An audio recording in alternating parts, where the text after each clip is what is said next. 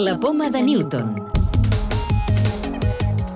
En Purificació Barcelona. Com cada any, quan arriba el fred, comença a actuar el virus de la grip. En el programa d'avui us parlem d'un estudi de científics britànics que asseguren tenir la clau d'una vacuna universal contra el virus.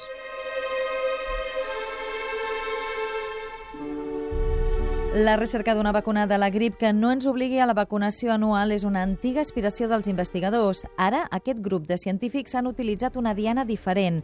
En lloc de generar anticossos contra unes determinades soques del virus, intenten atacar una part comuna a totes elles. Antoni Trilla, cap d'Epidemiologia de l'Hospital Clínic de Barcelona. Aquests investigadors han intentat trobar alguna d'aquestes cèl·lules, aviam si la seva memòria, per exemple, era a tan llarg termini que eren capaces de reconèixer una part del virus que sigui comú, aquestes cèl·lules, si tinguessin aquesta capacitat, els hi seria relativament igual les variacions amb la part del virus de la grip, perquè elles reconeixerien una part que és relativament estable. Tot i això, l'estudi deixa alguns problemes sense resoldre. El treball és interessant perquè utilitza un enfoc que no s'havia fet servir massa fins ara, però no és fàcil obtenir una vacuna que funcioni, que es pugui desenvolupar i que d'una vegada per totes ens permetés vacunar-nos una vegada, per entendre'ns, eh, de totes les grips que puguin venir en el futur.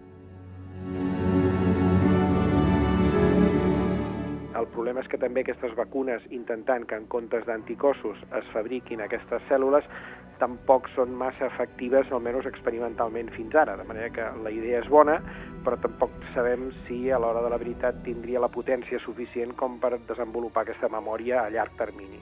Si més no, representa atacar el virus des del seu nucli i, segons els autors de l'estudi, la vacuna també seria efectiva per prevenir contagis i pandèmies. Evidentment, si tinguéssim una vacuna capaç de reconèixer els virus actuals presents i els que poguessin aparèixer nous, podria ajudar a prevenir una epidèmia de grip extensa, que seria una pandèmia. Podria ser efectiva enfront a virus aparentment nous que ara per ara no sabem que puguin aparèixer.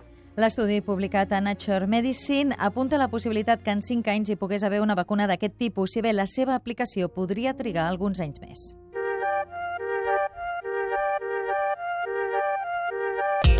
Avui també us parlem que assagen en ratolins una estratègia immunitària contra l'Alzheimer. Es tracta d'utilitzar un fragment d'anticòs dissenyat per la Universitat de Barcelona que, quan s'inocula en ratolins, en només 5 dies aconsegueix que millorin la memòria i la capacitat d'aprenentatge.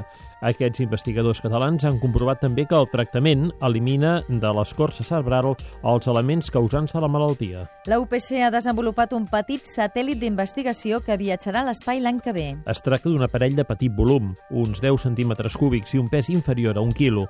L'enginy s'ha dissenyat al nou laboratori de càrregues útils i petits satèl·lits de la UPC, l'anomenat Nanosat Lab, i està preparat per realitzar sis experiments a bord. 19 hospitals catalans guardonats amb els premis Top 20. Els Top 20 premien els hospitals en excel·lència en diferents serveis. Dels 44 hospitals guardonats, 19 són catalans i han rebut un total de 27 premis en diferents categories. Entre els centres premiats hi ha a Sant Joan de Déu, Hospital Clínic, els Germans Tries i Pujol i l'Hospital de Bellvitge. La clau de volta.